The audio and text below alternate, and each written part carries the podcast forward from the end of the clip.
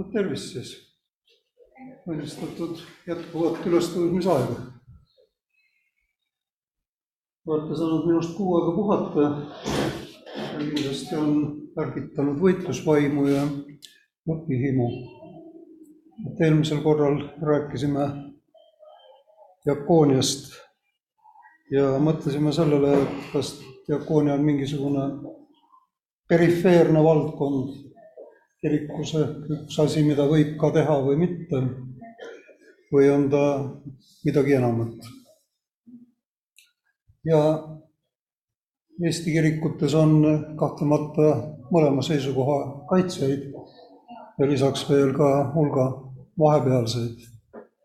mina olen lugenud enda ülesandeks teile peaasi asjalikult maha müüa seda ideed, et kirik ilma diakooniata on tühikest ja, ja ei vasta ülesandele, mille õnnistegija on andnud.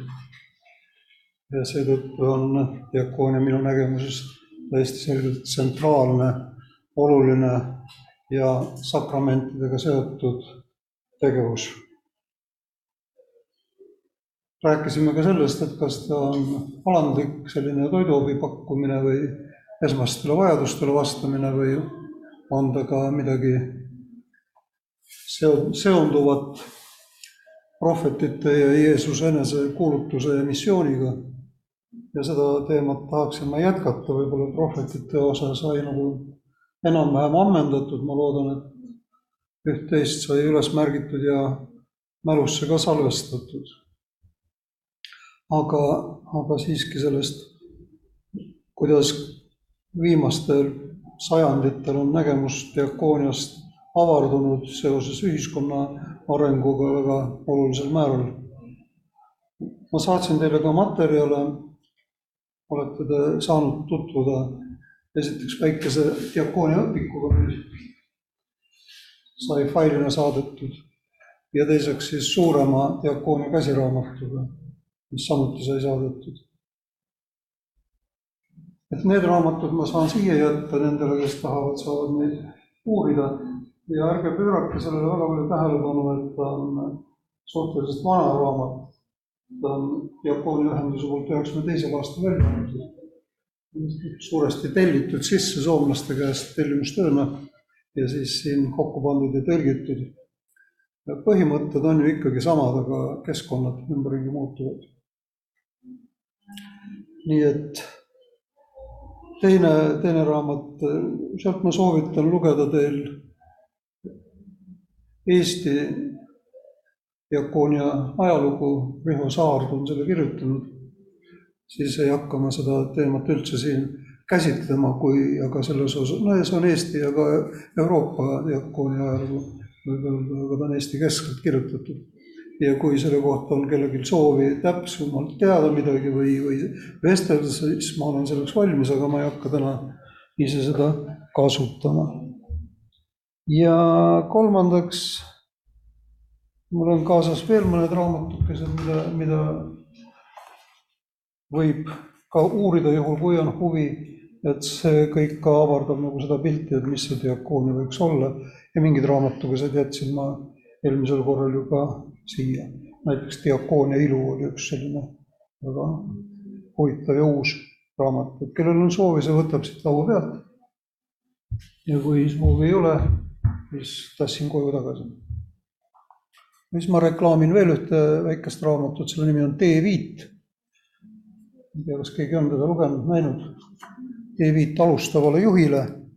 see sai pandud kirja esmalt kõigepealt GLS-ile mõeldes, et GLS-il räägivad palju suured kurud äh, laiast maailmast, sellest, kuidas juhtimisega võib teha imesid kirikus. ma mõtlesin, et panen oma vaatenurga kirja ja kasutan seda seal. aga selleni ma siiski ei jõudnud, aga väike raamatukene on alles. ja see pealkiri Teie viit alustavale juhile ütleb seda, et, et minu arusaamise kohaselt on juhtimine ka üks oluline diakoonia funktsioon. ja kui see, kui keegi seda ei juhi, siis on, muutub diakoonia kas heategevuslikuks anarhiaks või mitte midagi tegemiseks. ja kumbki nendest variantidest ei ole suurem asi. ütlesin ka eelmine kord, et, et diakoonia on, toimub erinevatel tasanditel, ehk siis tal on oma teoloogiline ja filosoofiline tasand, kus kujundatakse välja põhimõtted, millest lähtuda. tal on poliitiline tasand, kus koond-, koostatakse nii kiriklikke kui ilmalikke õigusakte selleks, et oleks õiguslik raamistik ja ühtlasi ka saadakse aru, millises õigusruumis tegutsetakse, kas selles on vaja midagi muuta.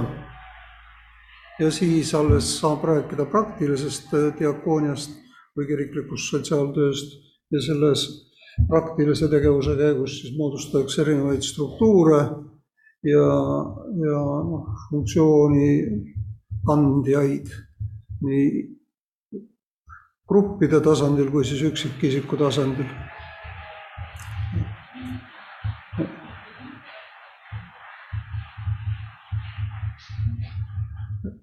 Tahangi täna siis lisaks sellele teoloogilisele poolele rääkida diakoonia kontseptsioonist mitmekesises maailmas.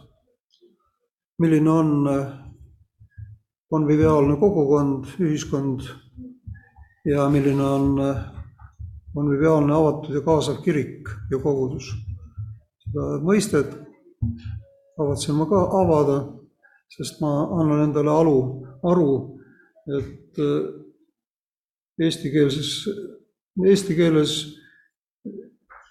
ja ka vene keeles minu arvates kõlab see conviviality või convivialnost kuidagi kummaliselt ja vajab, vajab täiendavat lahtiseletamist ja head defi-, ja selle on kasutusele võtnud üks immi-, emigrant, kes Ameerika Ühendriikides oma koolkonna rajas, Ivan Illich nimelt, ja ta räägib siis conviviality'st kui kooselu kunstist või kooselu kooselu teade, teadusest, et kuidas inimesed saavad koos elada konfliktideta või siis vähemasti on neile konfliktidele lahendusi leides.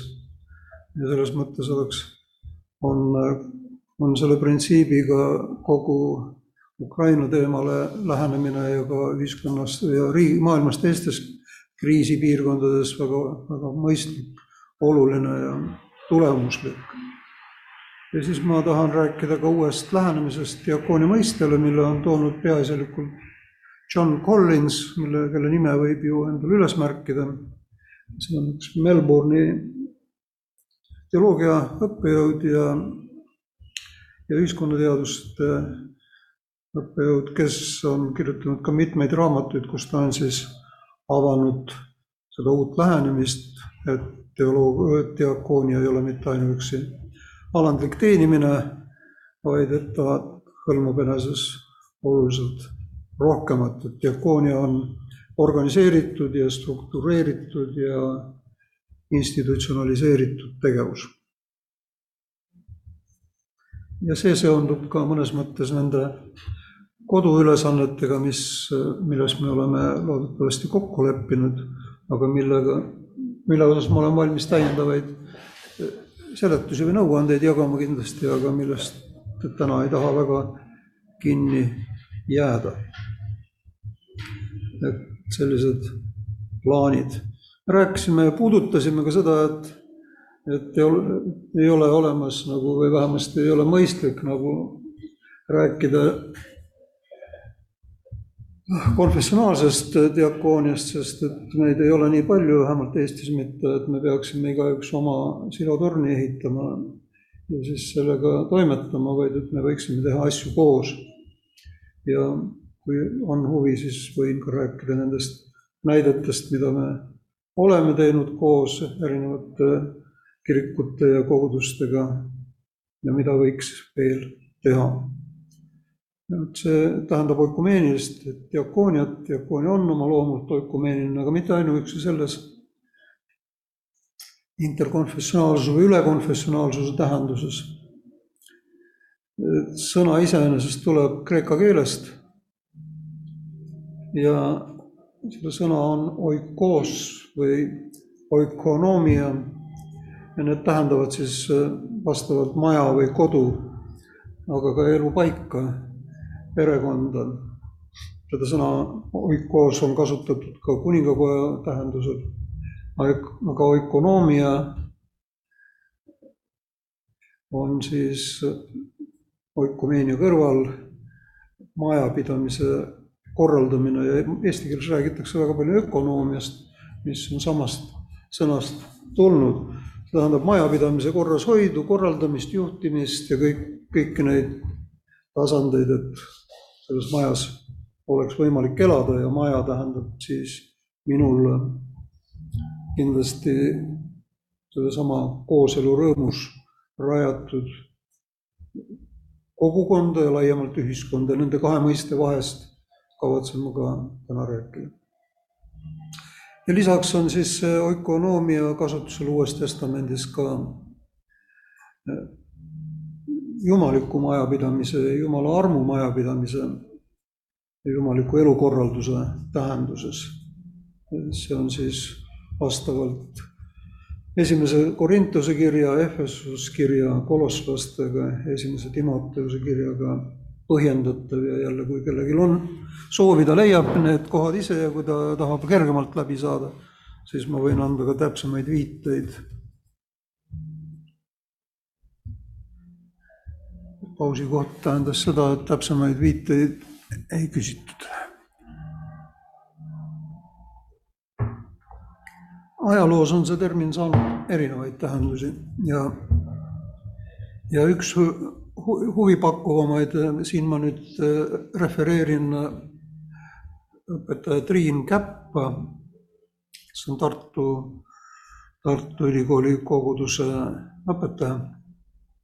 Ja ta ütleb, et äh, üks huvipakkuvamaid on idakirikutes kasutatav asjade ökonoomsema lahendamise tähendus, asjade all ta mõtleb siin küll pigem nagu probleeme, olukordi. ja ütleb, et kui ka tänapäevases ökumeenilisest dialoogis ehk läbirääkimistes erinevate konfessioonide või kirikute vahel võib seda kohata. kui probleemi tekkimisel tuleb talitada nõnda, nagu on ökonoomsem ehk siis kuidas leida kõige lihtsam lahendus, kõige õigem lahendus, näiteks kui me vaidleme segaabielus sündinud laste ristimise üle ja nii edasi. ja üleüldse selle üle, kuidas, kuidas siis nagu abielu sõlmida eri konfessioonidest pärinud, pärinevate inimeste vahel. mulle tulid Harku Järve kirikusse just, see oli eile või üleeile, üks noorpaar last ristima ja mees oli Leedust siia saabunud katoliiklane ja naine oli siis kohalik Jaani koguduse neiu.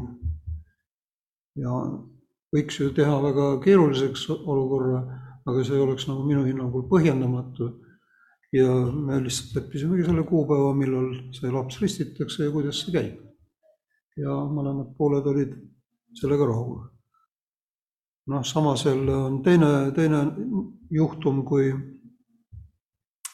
kui abielupaar, keda ma laulutasin paari aasta eest ja nendel sündis laps. ja ma küsisin, et kuidas siis lapse ristimisega läheb ja ja nemad leidsid, et nad on jõudnud arusaamale, et laps otsustab seda ise, kui ta saab sellesse ikka, mil ta jõuab otsuseid langetada ja minu asi pole siin muud, kui austada vanemate seisukohta. ja see on ka nüüd see ökonoomsuse printsiibist lähtuv tegutsemine, et selle asemel kuulutada välja pikem piibli uurimine selle üle, kas siis, kui keegi sai ristitud ja temaga koos kogu tema kogukond, tähendab siis seda, et ristitage lapsi või mitte, noh, sellele nagu ei ole nagu mõistlik aega kulutada, kui tegemist ei ole niisuguse intellektuaalse tudengite debatiga. nüüd veel siis sellest, et ma ütlesin, et diakoonia on ka struktureeritud. Apostlite tegude raamatus tuuakse kuuendas peatükis selle kohta näide, kui nendest apostlitest moodustatakse selline seitsmemeheline tiim ja, või nõukogu nimetada, ja antakse neile teatud funktsioonid ja ülesanded üle. ja nõnda on ne- need inimesed, kes kõik on omavahel koos osaduses, sa- saavad ja peavadki struktureerima seda oma osaduskonda selleks, et olla efektiivsemad ja funktsionaalsemad. et diakoonia liitub igapäevase kas armastussööma aja osadusega või kuidas seda keegi täpsemalt nimetab. ja diakoonia ülesanne siis oleks nagu sellisel puhul tasandada sotsiaalseid vahendeid, muuhulgas ka selles armulava või armastussööma ja kontekstis osalejate hulgas. Mäletate, kuidas igaüks tõi midagi kaasa ja selge, et need, kellel oli rohkem, tõid rohkem ja pidid seda jagama loomulikult ka ülejäänutega. ja nii hakkavad tasapisi arenema esimestes kristlikes kirikutes struktuuri põhimõtted. ja nendes, nende meeste ehk siis tollal diakoniteks seatud, mäletate, ma rääkisin, et neid, see sõna esineb verbi või nimisõnana Uues Testamendis ligi sada korda. et nende ülesandeks jäi siis hoolitseda kirikusse kuulunud, sellal veel seda sõna küll ei kasutatud, aga siiski kirikusse või algkogudusse kuulunud kõrvale tõrjutute ja kõrvale tõmbunute eest ja noh, spetsiifiliselt peeti silmas siis esmalt lesknaisi, aga laienes see tegevus teistele tõrjutud gruppidele samamoodi, rääkimata seda, et kogu Jeesuse eneseõpetus ja tegutsemine oli seotud suurel määral ka tõrjutud gruppidele nii kuulutamises kui nende tervendamises ja nende kaasamises tegevustesse. ja nii tekkis teatud, nii tekkis teatud kiriklik ametkond või ametnikkond. ja nad jagasid tegelikult kõigi usklikega, siin võib viidata üldise preesterluse printsiibile, et jagasid kõigi usklikega seda ülesannet olla ülejäänute teenijaks ja need diakonid hakkasid kandma hilisemalt. Või vähemasti juba teisel sajandil on sellele, vabandust, isegi esimese sajandi lõpus on juba sellest kirjalikke kinnitusi näiteks Rooma Clemensilt, et, et diakonid kandsid nii koos, kandsid koos piiskopiga vastutust selle eest, mis puudutas kõiki ülejäänud koguduste liikmeid ja seesama Clemens nimetab siis diakoneid ja piiskoppe apostliku tegevuse viljadeks.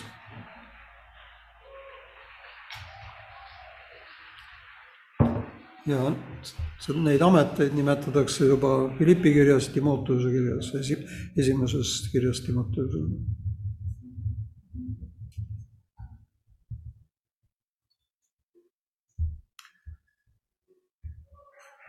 seda ma vist äh, nimetasin, et äh, pealiseks vastutusalaks diakonitel oli siis vaeste hoolekanne, aga selle kaudu olid nad seotud ka kohaliku koguduse majandus- ja haldusjuhtimisega. Te kindlasti teate seda Laurentsuse lugu või ei tea. meil on kalendris Lauritsa päev, mis on siis ühe diakoni Laurentsuse nimepäev ja ma ei ole väga hea jutustaja, aga loo iva oli selles, et Rooma väejuht ratsutas oma kooskonnaga sisse ühte kirikusse ja selle juures olevasse noh, kirikumõisa, kui nii võib öelda tänapäeva mõistes. ja nõudis, et talle antakse üle kogu vara, mis sellele kohalikule kirikule siis kuulus. ma ei mäleta enam selle roomlase nime aga ma mäletan selle kristlase nime, eks siis Laurentius, kes ütles talle, et anna mulle aega, meil on nii palju vara, et ma ei jõua seda kohe sulle üle anda. ja talle anti siis kas kaks päeva või kolm päeva aega ja, ja siis, kui sõdurid tulid tagasi, et varandust üle võtta, siis Laurentius kellel oli meelevald, õigus ja volitused korraldada kogu hoolekandetegevust, oli kogunud sinna kiriku ette kõik ümberkaudsed vaesed ja vigased. ütles, et näete, siin on kiriku vara. tahate, võtke nad üle ja vastutage ja hoolitsege nende eest.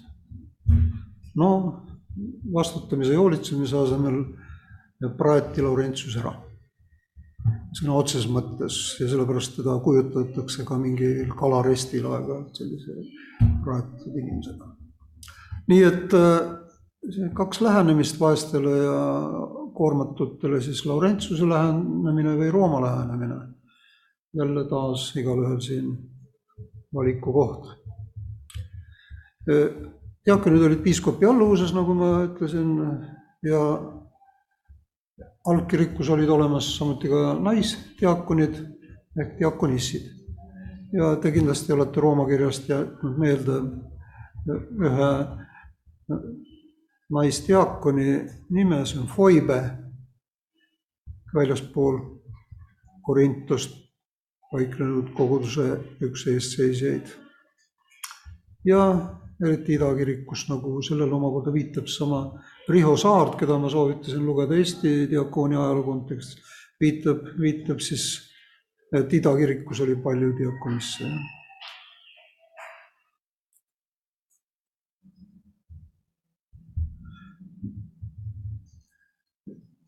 Võib-olla ei peatu pikalt sellele, sest ma lubasin ajaloost mitte väga palju rääkida, aga noh, piibliloost ja piiblil põhinevast tegevusest ei saa rääkida lahus Uuest Testamendist, seda ma pean ikkagi tegema, aga siiski ajaloo osas, et et seoses kloostrite tekkimisega ja, ja siis ka katoliku kirikus erinevate ordude tekkimisega hakkas see abi osutamine nagu veel enam nagu koonduma teatud osadesse kirikust ja see oli ühtpidi nagu hea, et need olid professionaliseeruvad osad a la kloostrid koos oma kloostrimõisade ja aia ja majapidamiste ja raamatukogudega ja millest hiljem ülikoolid välja arenesid ka. kuid sellel oli ka see miinuspool, et tegelikult see nagu andis ülejäänud kirikule võimaluse öelda, et noh, et nemad ju teevad, et võib-olla meie siis ei peagi tegema meenutab seda, kui ma üheksakümne esimesel aastal vist sain volitused arendada kriminaaltööd, sain volituse DLK-lt, aga ma palusin üsna, üsna ruttu ka EKN-i volitusi selleks ehk kirikute nõukogu. ma sain ja selle tõttu on kogu see kriminaaltöö olnud ja minu arusaamise järgi Eestis kogu aeg oikumeeniline ja koostöö tahtlik, mitte konkureeriv et siis mul meenub üks lugu, kui üks õpetaja oli saanud vanglast kirja, et vang tahab, et äkki on võimalik talle televiisor saata. noh, selge, et inimesed tahavad uudiseid jälgida ja aeg venib ja aga noh, süü-, sümptomaatiline oli siis see, et see õpetaja saatis kirja minule edasi ja kirjutas, et lahendamiseks, et et kuna sina vastutad kriminaaltöö eest, siis sina tegele nende vangidega. no ma ei arva, et see on nagu hea näide ja sellepärast, sellepärast või noh, sellisest kollegiaalsusest või, või kristlikust vastutusest ja sellepärast ma ei hakka tema nime siin nimetama. aga tegemist oli ikka tollal väga tuntud tegelasega. nii et ma arvan, et ei ole õige, kui kui kogu diakoonia arvatakse olevat spetsialiseerunud organisatsioonide asi ja kogudused sellest distantseeruvad. aga samas spetsialiseerunud organisatsioonid suudavad tagada süsteemsemat tegevust ja kindlasti kõrgemat kvaliteeti ja teenuste kättesaadavust paremini. aga vastutus ikkagi jälle on seotud sellesama üldise preesterlusega, üldise teenimise kohustusega.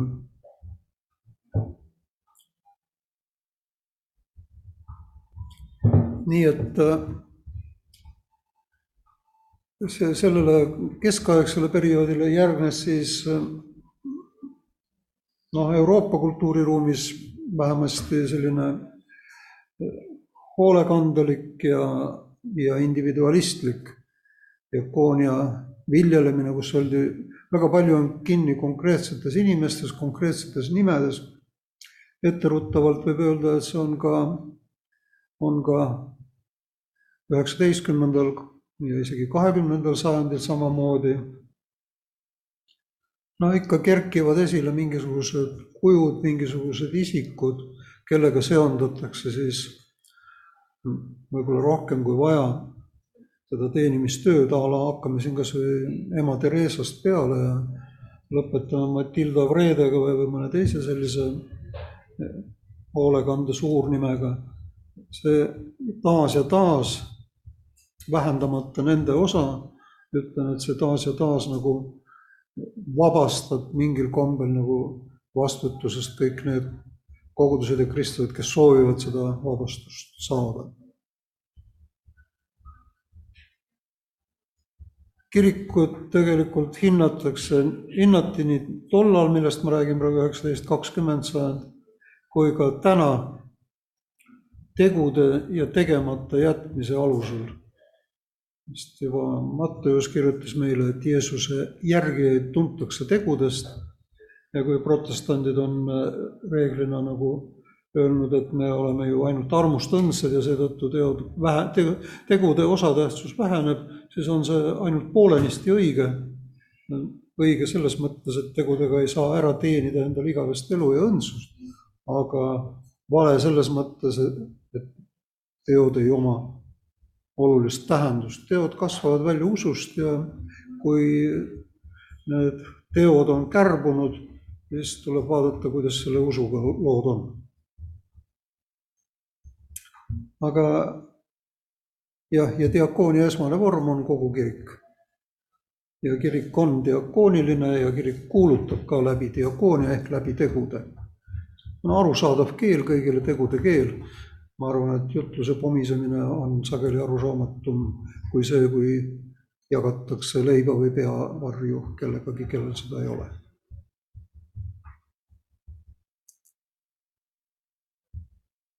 ma möönan muidugi, et selline seisukoht ei ole, no ma tegelikult alguses juba ütlesin, et on nagu erinevad seisukohad. Diakoonia osas, et kas ta on perifeerne või tsentraalne, kas ta on kogu sakramentidest ja kiriku elust välja voogav, puhastav ja ülendav ja pühitsev jõud või, või siis ta on üks funktsioon, mis võib olla ja võib ka olemata olla ma kavatsen selles väitluses nii kaua kaitsta seda diakoonia avarama mõistmise vormi, kuni mul jaksu on. kirik osaleb kõigi oma liikmetega tegelikult ju mitte oma diakoonias, ei ole mingisugust noh, juba ma ütlesin, konfessionaalset diakooniaga ei ole ka olemas mingisugust nii väga kiriku diakooniat, vaid on Jumala diakoonia ja kirik oma liikmetega osaleb Jumala diakoonias, Jumala hoolekandes kogu loodu eest. Ja see arusaam ju ulatub tõepoolest juba äh, Vana-testamendi esimestesse ridadesse välja. jumal on loonud kogu selle olemisterviku ja näinud, et see on hea, hoiab seda elus ja tasakaalus. Ja nagu korduvalt, korduvalt kirjeldatakse, hoolitseb iga linnukese eest ja, ja teab ka iga varblase mahakukkumist ja üles rändamist. kas võib siis nii öelda, et kõik, mis kirik teeb, tea puhul, kõik teod või head teod? kogu kiriku tegevus peab, nii nagu Jumala tegevus on suunatud endast eemale, antud juhul siis meie peale, nii peab ka kogu kiriku tegevus olema suunatud teisele ja selle teise heaks. ja seda nimetan mina diakooniaks see, see on, no natuke on siin juba läheb nagu ka, võib minna niisuguseks noh, sõnamänguks, ehk siis kas, kas Eucharistia on diakoonia.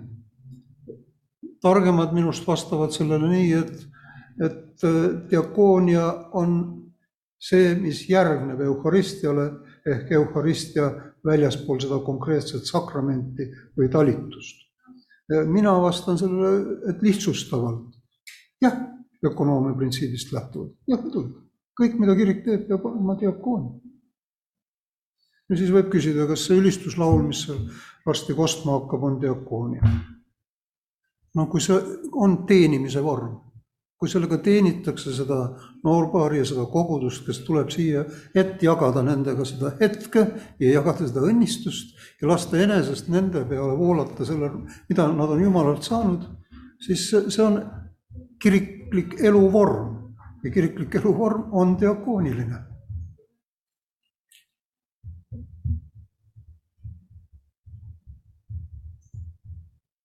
jah, ja selle algus on, nagu ma ütlesin, selles, et isa on loonud ja hoiab loodut, et poeg vabastab loodu ja püha vaim valgustab ja juhib nii kirikut kui Eesti inimesi selle sees.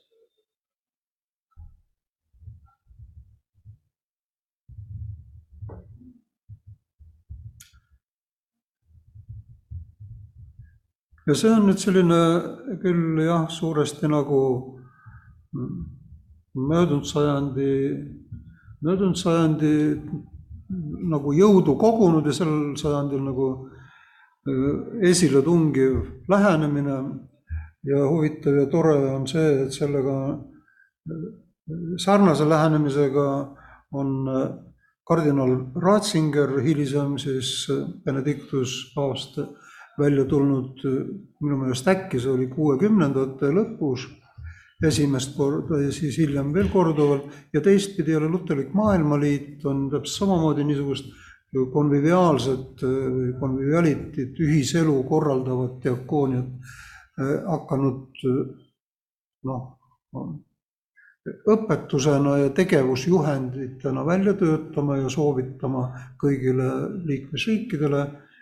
Ja et see ei ole nagu jäänud kuhugi konfessioonisiseseks ja ka Luterliku Maailmaliidu raamatud, mida ma siin eelmisel korral mõnda näitasin, üks venekeelne on mul siiamaani kaasas näiteks, et terve sari on niisuguseid vihikuid, ei ole kindlasti mitte mingid konfessiooni naba imetlemise raamatud, vaid need on just nimelt minge välja, tehke kõikidele rahvastele midagi. sina oled meil venekeelne, ma saan selle raamatu soovi korral sulle anda, aga Eesti Ja do, da, da, na, na, možno i elektronom vidjeti na, na sajte Luter, Luterijanskog mm-hmm. Uh, World Wide Federation. et see on hästi, hästi, mind vähemasti väga ergastanud see töö, ma olen ise osalenud selles töörühmas, mis need raamatud on välja töötanud, juba vist läheb praegu mul üheteistkümnes või kaheteistkümnes aasta selles töörühmas, et me oleme väga toredasti rahvusvaheliselt arenenud ja ja vaadanud, mis on siis nagu ühist võimalusel arendada kogukonda või kogudust kusagil Manchesteris või, või, või Kiievis või, või, või Tallinnas või, või Tšehhis või ja nii edasi, nii edasi. et see on selline rahvusvaheline töörühm.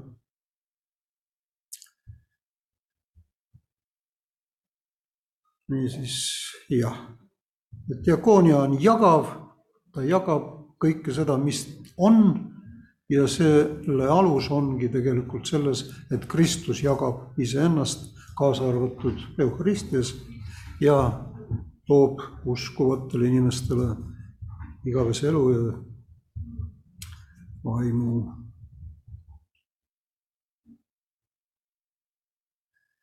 Jeesus ise ju ka räägib oma missioonist maailma suhtes kui diakooniast. ja näiteks Markuse kümme kirjeldab, kuidas teel Jeruusalemma näeb Jeesuse vaeva oma jüngritega, et selgitada neile, milles tema missioon seisneb. noh, see on üldtuntud tõde, et, et no mõned ütlevad isegi, et piibel on sellepärast usutav allikas, et ta ei idealiseeri oma kangelasi a la neid apostleid siis, kes peamiselt sarnanevad noh, puupeadega, kes ei saa aru oma õpetajast ja argpüksidega, kes jätavad ta maha. Ja meie oleme täpselt samamoodi ju tema õpilased ja lihtsad inimesed, kellel ei ole nagu kuldraudrüüsid, millega end nähtavaks teha, aga nähtavaks tegemine siiski on oluline ja selle tõttu ma tulen hiljem kuvandi teema juurde ja mingil kombel võib sellest rääkida image'ist, et see on nagu üks töövahend, millest pärast ehk räägime. aga jah, et need jüngrid on siis Markuse mälestustes huvitatud oma positsioonist, minu, kes su paremale, kes su vasakule käele saab. ja Jeesus pöörab nende mõtteviisi pea peale, öeldes, et inimese poeg ei ole tulnud, et lasta ennast teenida, vaid et ise teenida ja see on seesama sõna diakoneesai. ehk siis, ehk siis selle tõttu ka nüüd diakoonia niisugused, diakoonia vaimustuses inimesed räägivad, et Jeesus on esimene suur ülemdiakon. ehk siis teenimise eeskuju andis ja seda meie ka tahame järgida. siin on näha ka muidugi seos ka prohvetitega ja nende poolt kirjeldatud inimese poja messialiku rolliga. ka Matteus kirjutab, kuidas tahetakse, tahavad õpilased teada, kes see Jeesus siis tegelikult on, jõuavad küll tunnistuseni Peetruse suu läbi, et oled Kristus, elava Jumala poeg, aga nad ei ole mõistnud seda sügavamat tähendust, mille missioonile messiana andis Jeesus ise ja see sügavam tähendus on selgelt teenimine ja oma elu ärajagamine, äraandmine, et päästa paljusid inimesi. no jälle võib-olla nagu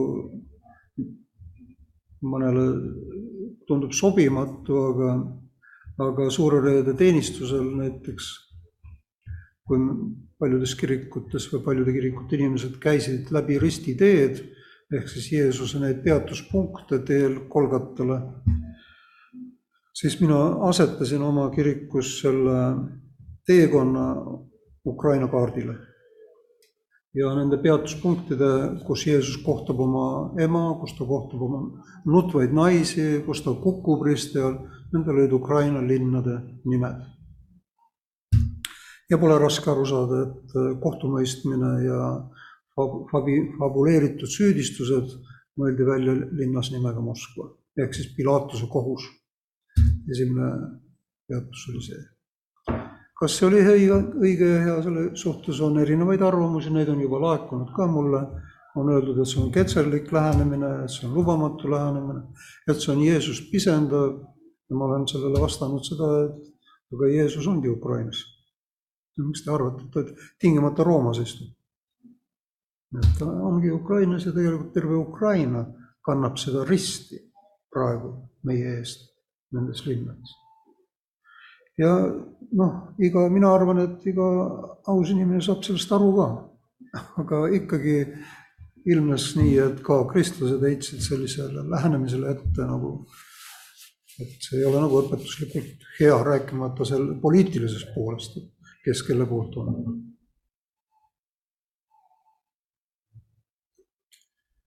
niisiis jüngrid arvasid, et messias toob võimu, mis tähendab teiste üle valitsemist ja ajab roomlased välja. No vot ei tea need, aga me, see messias, keda me tunneme, tema võim on kahtlemata olemas, aga see on hoopis teistsugune. et ta teostus selles ristikäigus ja teostub jätkuvalt. ja ta ja ütleb ta õpetuseks kõigile, et need, keda peetakse rahvaste valitsejateks, peremehed saavad nende üle, nende suured meelevallatsevad nende kallal, ärgu olgu teie seas nõnda, vaid kes iganes tahab olla suur, see olgu teie teenija. ja kes tahab, ja siin on jälle seesama kreekakeelne sõnakasutus, millest tuleb sõna diakon ja diakonia. ja kes tahab olla esimene, olgu kõikide sulane miks? Luka annab vastuse. Selle teenimise järgi saavad paljud inimesed päästetud. inimese poeg on tulnud otsima ja päästma. Luka üheksateist kümme. ja teie isa ei taha, et ükski neist pisikestest hukkuks, Mattuse kaheksateist, neliteist. nii, see on Jeesuse vägi teenida ja päästa.